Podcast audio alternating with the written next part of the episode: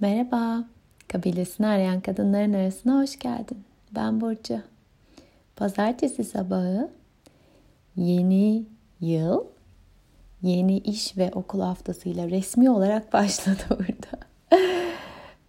Biraz e, sanki uzayın bir yerinden dünyanın bir noktasına atılmış gibi hissettim dışarı çıkıp kızımı okula bırakırken ilk başta. Havada karanlıktı. Şimdi yavaş yavaş adapte oluyorum. Hmm, biliyorum şu an o da rahatta. Güvende olduğunu zaten biliyorum. Uzun ayrılıklar, e, uzun zamanlardan sonra ayrılıklar olduğunda benim geçmişimden kalma bazı böyle haller, parçalar canlanıyor galiba. Neyse sabah çok oyuncuyduk. E, dolayısıyla böyle neşeli bir şekilde onu bırakma imkanım oldu okula. Ah, bu ara bazı hikayeler kendini anlatmaya başladı bana. Sonunda hayalimdeki gibi bir şeye dönüşürler mi bilmiyorum hakikaten de. Sadece kendini anlatmak isteyen hikayeler var. Ben de durup duyabilmeye niyet ediyorum. Ve dile kağıda dökebilmeye eğer başkalarına da ulaşmak isterse. Ve bu sabah bir anda bir hikaye için şöyle bir cümle çıktı içimden.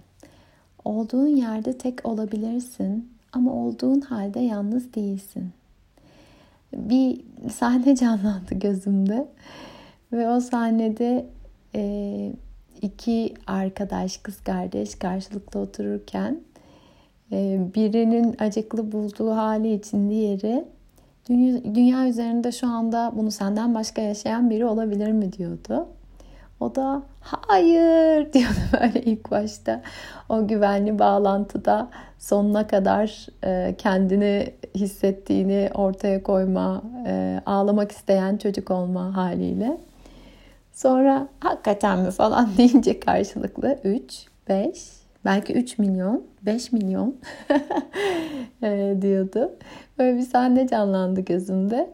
Ve o bunu bir tek ben yaşıyorum. Bu yaşadığımda yalnızım. Hatta bir adım ötesinde bu yaşadığımın içinden de tek başıma geçmek durumundayım. Yanılgısı çok eski bir yanılgı bende.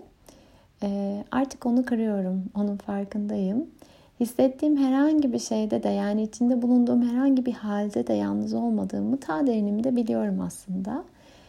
Ee, yani pandemiyi düşünmek, e, bir virüsün gelip dünyanın bambaşka köşelerinde tüm demografik özelliklerinden bağımsız hepimizi ne kadar benzer şeylerin e, içine attığını koyduğunu düşünmek buna güzel bir örnek bence aslında.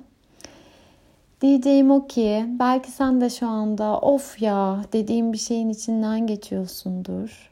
Zorlanıyorsundur. Belki her neyse o duygu iyi kötü diye bir şey yok benim için bir sevinçtir ama onu taşımakta da zorlanıyorsundur. Çok büyük bir heyecandır.